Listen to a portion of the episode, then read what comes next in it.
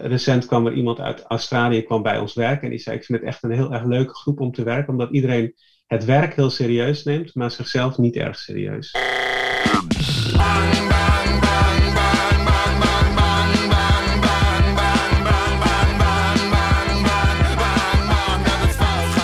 Nou, ik, ik bestudeer uh, infectieziekten en ik richt me eigenlijk vooral op malaria. Um, en daarbij onderzoek ik hoe de ziekte zich verspreidt en wat je daaraan kunt doen. Aan het woord Teun Bousema, malaria-onderzoeker van het Radboud UMC.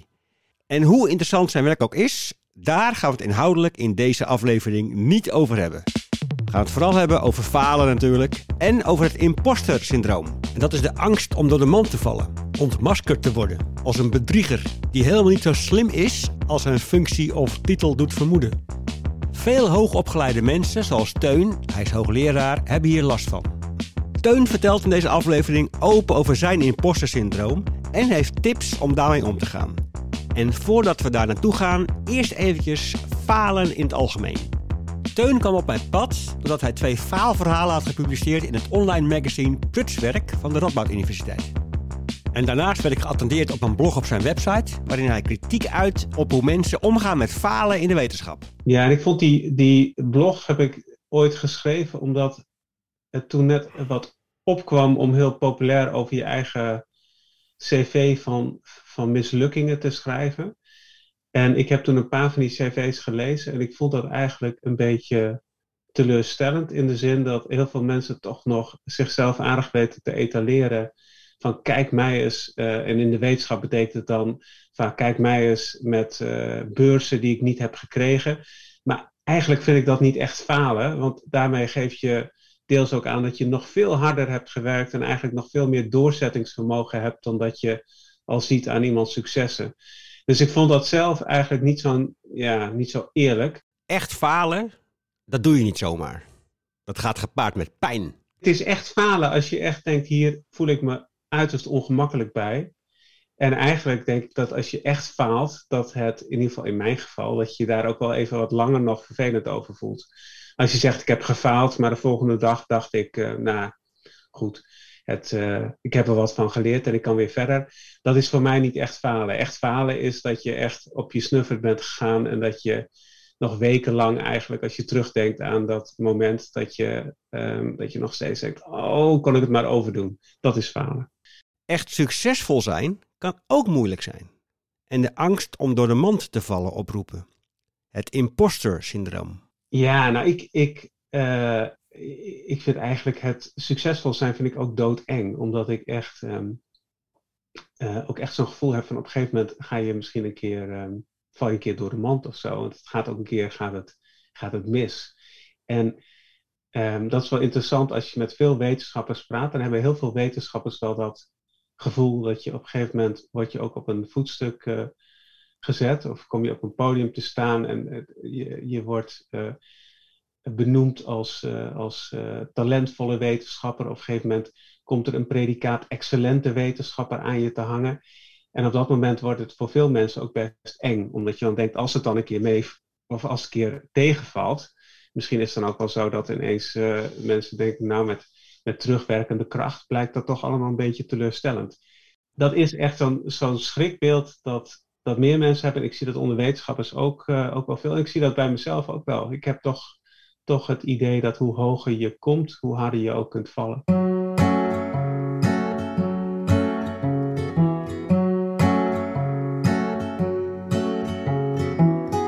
Ja, en ik denk dat er een soort, ja, dat er een soort continue onrust, uh, dat dat wel komt met zo'n imposter, uh, imposter syndroom.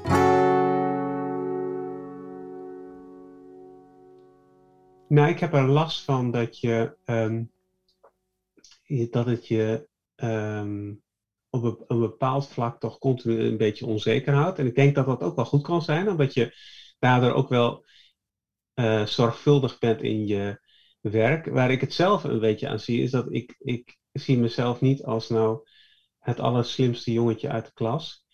Ik vond het onwaarschijnlijk ongemakkelijk om hoogleraar te worden. Ik heb dat ook een tijdje geprobeerd tegen te houden, omdat ik echt vond dat ik er te jong voor was of te weinig voor had gepresteerd.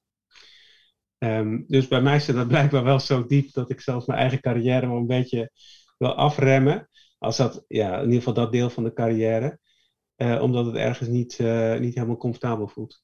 Dus ik uh, heb dan het gevoel dat ik dat ook misschien wel moet compenseren door extra hard te werken. En dat zie ik wel bij mensen, dat, ze, dat je op een gegeven moment echt zo'n zo'n status hebt van een succesvolle wetenschapper. En dat je om je heen kijkt en je hebt natuurlijk de hele wereld als vergelijkingsmateriaal. Dus ik, ik heb bijvoorbeeld een collega in Oxford en die kerel is echt briljant. Die spreekt vijf talen, die spreekt trompet, die is wiskundige, arts en epidemioloog en alles gaat hem uh, heel goed af. En ik kan me heel goed met hem vergelijken. Maar dat is precies weer het probleem met wie vergelijk je. Want ik ben toch heel sterk geneigd om altijd omhoog te vergelijken met die mensen. Of je denkt, die zijn echt, uh, um, ja, dat zijn echt briljante mensen. En als je dat dan, dan doet en je denkt, ja, ik heb ergens een vergelijkbare status, maar ik voel me toch een beetje kleiner op dat vlak dan, uh, dan die persoon, dan, um, uh, ja, dan, dan kan het in, in, mijn geval wel leiden tot een soort compensatiegedrag. Dat je, dat je nog harder probeert te werken en nog productiever eigenlijk probeert te zijn uh, door, door gewoon heel, heel, ja, toch wel heel hard te werken. Veel wetenschappers klagen ook over werkdruk. Um, en ik denk dat, um, ik denk dat het bij de wetenschappers wel zo is dat het nooit afgebakend is. Dus als je met de hele wereld in concurrentie bent en je, um, je dag houdt eigenlijk nooit op, dan betekent het nu ook dat je, dat je dus heel erg lange dagen kunt maken en eigenlijk elk weekend en elke avond wel door kunt werken. En als er dan een stukje imposter syndroom bij komt, waardoor je denkt, ik heb, uh, Um, ik krijg misschien iets te veel lof toegezwaaid en ik ga dat, uh, uh, ik ga dat compenseren door nog een beetje harder te werken. Dan denk ik dat dat dan een nadeel is. Dat je eigenlijk harder werkt dan dat misschien per se noodzakelijk is.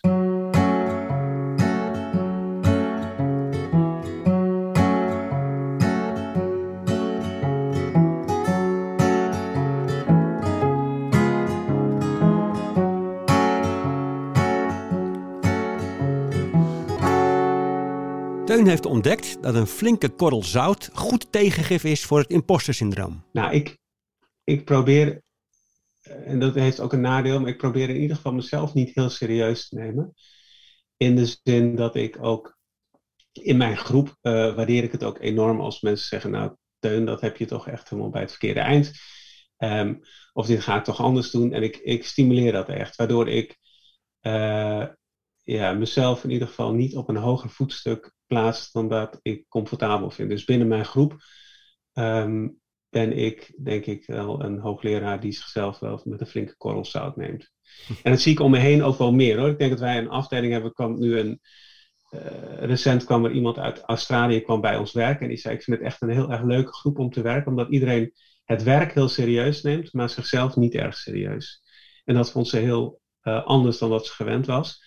En ik denk dat dat wel helpt, omdat je, ja, dat geeft mij in ieder geval het gevoel dat ik nooit mensen heb voorgehouden gehouden dat ik nou een of ander super slimme wetenschapper ben. Ik ben gewoon een, ik doe het allemaal prima, maar uh, ik, uh, ik uh, loop mezelf niet op de borst kloppen, waardoor ik ook niet het gevoel heb dat ik op een gegeven moment, of in ieder geval minder het gevoel heb dat ik op een gegeven moment door de mand kan vallen. Je werk serieus nemen en jezelf daarin wat minder.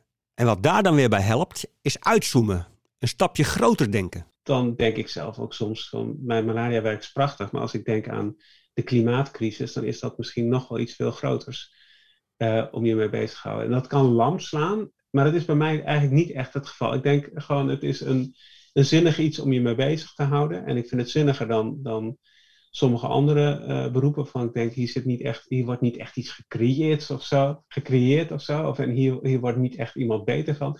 En tegelijkertijd denk ik nog een, een stapje groter denken zorgt er ook wel voor dat je een beetje met de, met de voeten op de aarde blijft staan. En ik heb het ook wel eens met een, een collega, uh, hoogleraar, um, die ook, uh, ook heel succesvol is. hebben we het er ook wel eens over dat we af en toe denken van, goh, misschien zijn we af en toe ook wel een beetje klaar met de mensheid. Je dan, en dan gaat het een beetje om, uh, of dan gaat het eigenlijk over klimaatproblematiek.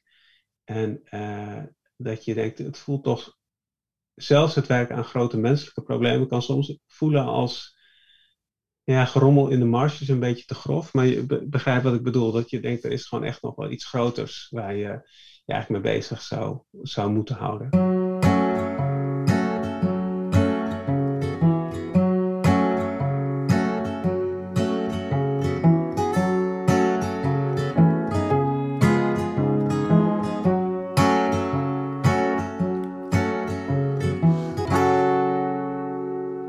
Teun nog meer probeert om de last van het imposter te verlagen, is praten met een mentor. En dat zoeken we niet zoveel op. En ik denk dat dat echt wel een tip is, dat je in elke fase van je leven, zeker van je professionele leven, eigenlijk steeds een mentor moet hebben. Iemand waarvan je denkt, deze persoon heeft het goed voor elkaar.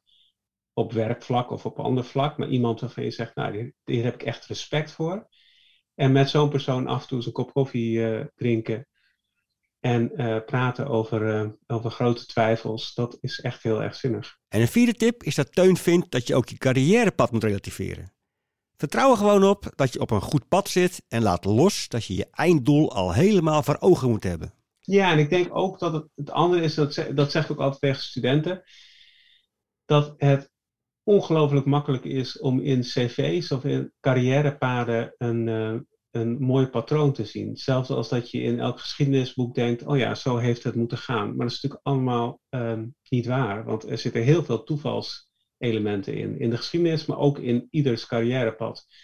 En mijn hele carrière hangt echt van allerlei toevals, um, ja, toevals, uh, toevalligheden en, en, en onverwachte gebeurtenissen aan elkaar. Dus ik ben absoluut nooit iemand geweest die een heel duidelijk pad had van hier wil ik naartoe als ik bij een uh, gesprek moest beantwoorden waar wil je over vijf jaar zijn, dan kon ik dat niet beantwoorden. Kan ik nog steeds niet beantwoorden. Ik kan daar echt helemaal niks mee, omdat ik denk dat dat echt suggereert dat, je, dat, je, dat, dat het alleen maar goed is als je een soort heel duidelijk doel voor ogen hebt. En dat is um, voor studenten en voor veel mensen denk ik ook beangstigend, omdat je dan denkt, oh, al die mensen hebben een heel duidelijk doel voor ogen en ik heb dat niet.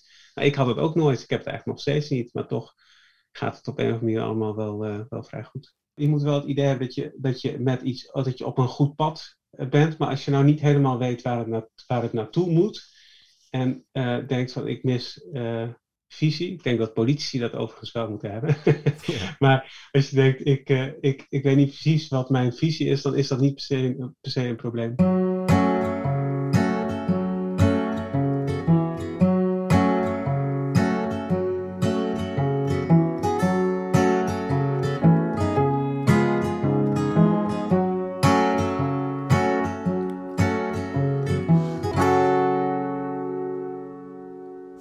Van het imposter syndroom even terug naar het begin van deze aflevering. Echt falen. Want soms faal je zo hard dat je denkt dat je echt door de mand bent gevallen. Teun heeft dat ook wel eens meegemaakt. Nou, mijn, een van mijn vervelendste ervaring, of misschien wel vervelendste ervaring op werkvlak, begon heel mooi. Uh, ik was uitgenodigd op uh, een internationale cursus uh, op Harvard om een verhaal te geven. En ik stond daar voor um, een grote groep mensen, allemaal internationaal geselecteerd. Het hoofd van de Wereldgezondheidsorganisatie was er. Uh, of het hoofd van de malaria-groep uh, van de Wereldgezondheidsorganisatie. Het hoofd van de Gates Foundation was er. En ik gaf een presentatie en ik sloeg de plank gewoon echt net mis. Ik had op zich een goed verhaal, het was wetenschappelijk een goed verhaal. Maar ik had het niet aangepast op het publiek. En er werden vragen gesteld, waardoor ik dacht, ja, ik weet eigenlijk niet precies waar ik het over heb. Ik, ik, ik val hier door de mand. En um, er zat vervolgens iemand van de Gates Foundation bij. En dat is voor mij echt een heel belangrijke financier.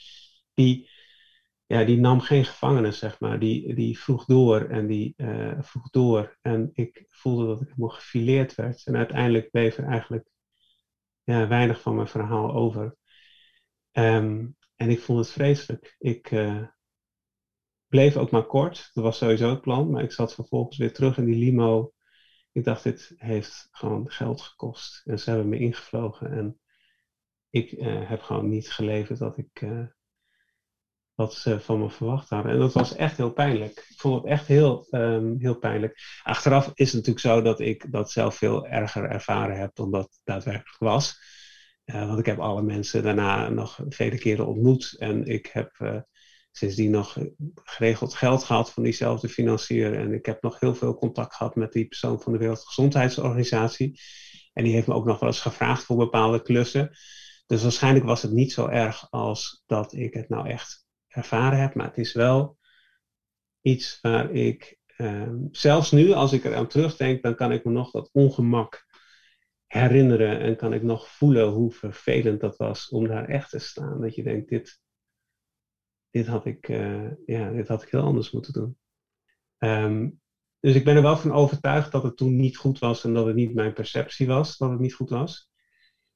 En tegelijkertijd geeft het gewoon aan dat het uiteindelijk niet zo heel veel uitmaakt. Er is niet één moment waar je uh, zo kunt falen dat het daarna niet meer goed kan komen. Ik denk dat dat het meer is. Dat ik daarna gewoon voldoende, daarvoor en daarna voldoende momenten heb gehad waarop ik wel me van mijn beste kant liet zien. Waardoor ik wel krediet had opgebouwd en daarna misschien wel weer krediet opnieuw heb opgebouwd. Waardoor het eigenlijk allemaal wel goed kwam. Maar op dat moment ehm, dacht ik niet, mijn carrière is over. Maar ik dacht wel, god, dit is wel echt, uh, dit is wel even een deuk. Ook in mijn zelfvertrouwen. Teun heeft één van zijn eigen tips toegepast. Praten met een mentor. Dus die mentor is uh, spreken, zeggen, nou, dit is, uh, dit is gebeurd. En als iemand dan zegt, ja, god, ja, was er niet zo van onder de indruk. Kom op, uh, volgende keer beter. En het is iemand waar je, voor wie je echt respect hebt, dan, dan is dat eigenlijk de beste remedie. Ja. En dat werkt bij mij eigenlijk altijd wel. Want ik kan, nog steeds kan ik wel heel erg zwelgen in, in ongemak, zeg maar. totdat je op een gegeven moment even met iemand praat en die persoon zegt, nou, hier, hier pak, je toch, pak je toch allemaal een beetje te zwaar op. En dat werkt altijd wel goed dat is denk ik wel hetgene wat ik mezelf ook steeds, waar ik mezelf steeds aan moet herinneren. Dat je gewoon eventjes iemand polst en zegt hoe, hoe, hoe erg is dit nou allemaal? Of hoe moet het nou verder? En meestal valt het dan wel mee. Eigenlijk is het van de zotte dat ik, dat ik het niet meer toepas. Want als ik denk ook, ehm, ik hou veel van Europese films, een beetje de de, de films met wat minder actie en wat meer uh, mensen die moeilijk uh, doen en het moeilijk hebben in hun leven. En eigenlijk altijd komt het natuurlijk aan op praat er een keer over. En ik denk ook als publiek in de bioscoop. Denk je dan steeds, oh, spreek dit uit.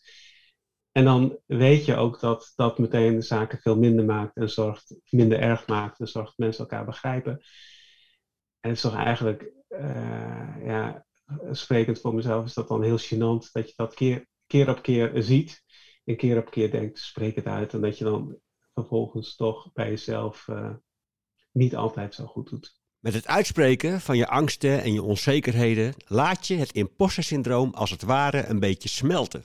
Ja, ik denk dat dat, uh, ja, dat, dat inderdaad een goede, goede term is.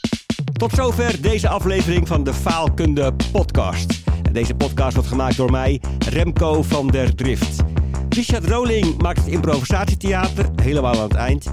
Corine de Goede doet officieel niet de eindredactie. En de muziek is van Mark Lotterman. Ken jij iemand die het gunt om ook naar deze podcast te luisteren? Deel hem dan. Stuur deze aflevering naar deze persoon toe en je draagt bij aan een faalkundigere wereld met minder angst om te falen.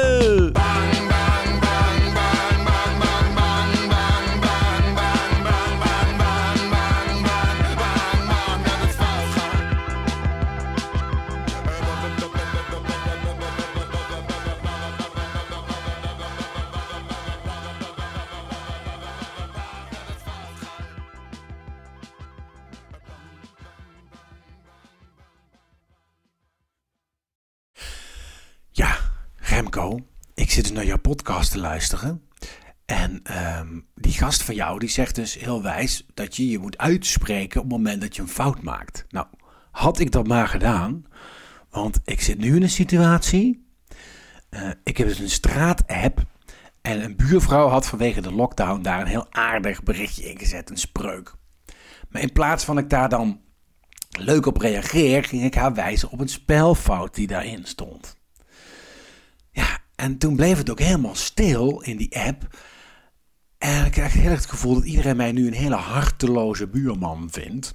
En ik woon er ook nog maar net. Dus ik voel me daar heel ongemakkelijk bij. Ik heb ook het idee nu op straat dat ze achter mijn rug om allemaal uh, naar mij zitten te kijken en te roddelen. Super ongemakkelijk. Ik ga ook niet meer via de voordeur naar binnen, maar bij mezelf. Maar via de achterdeur om maar niet gezien te worden.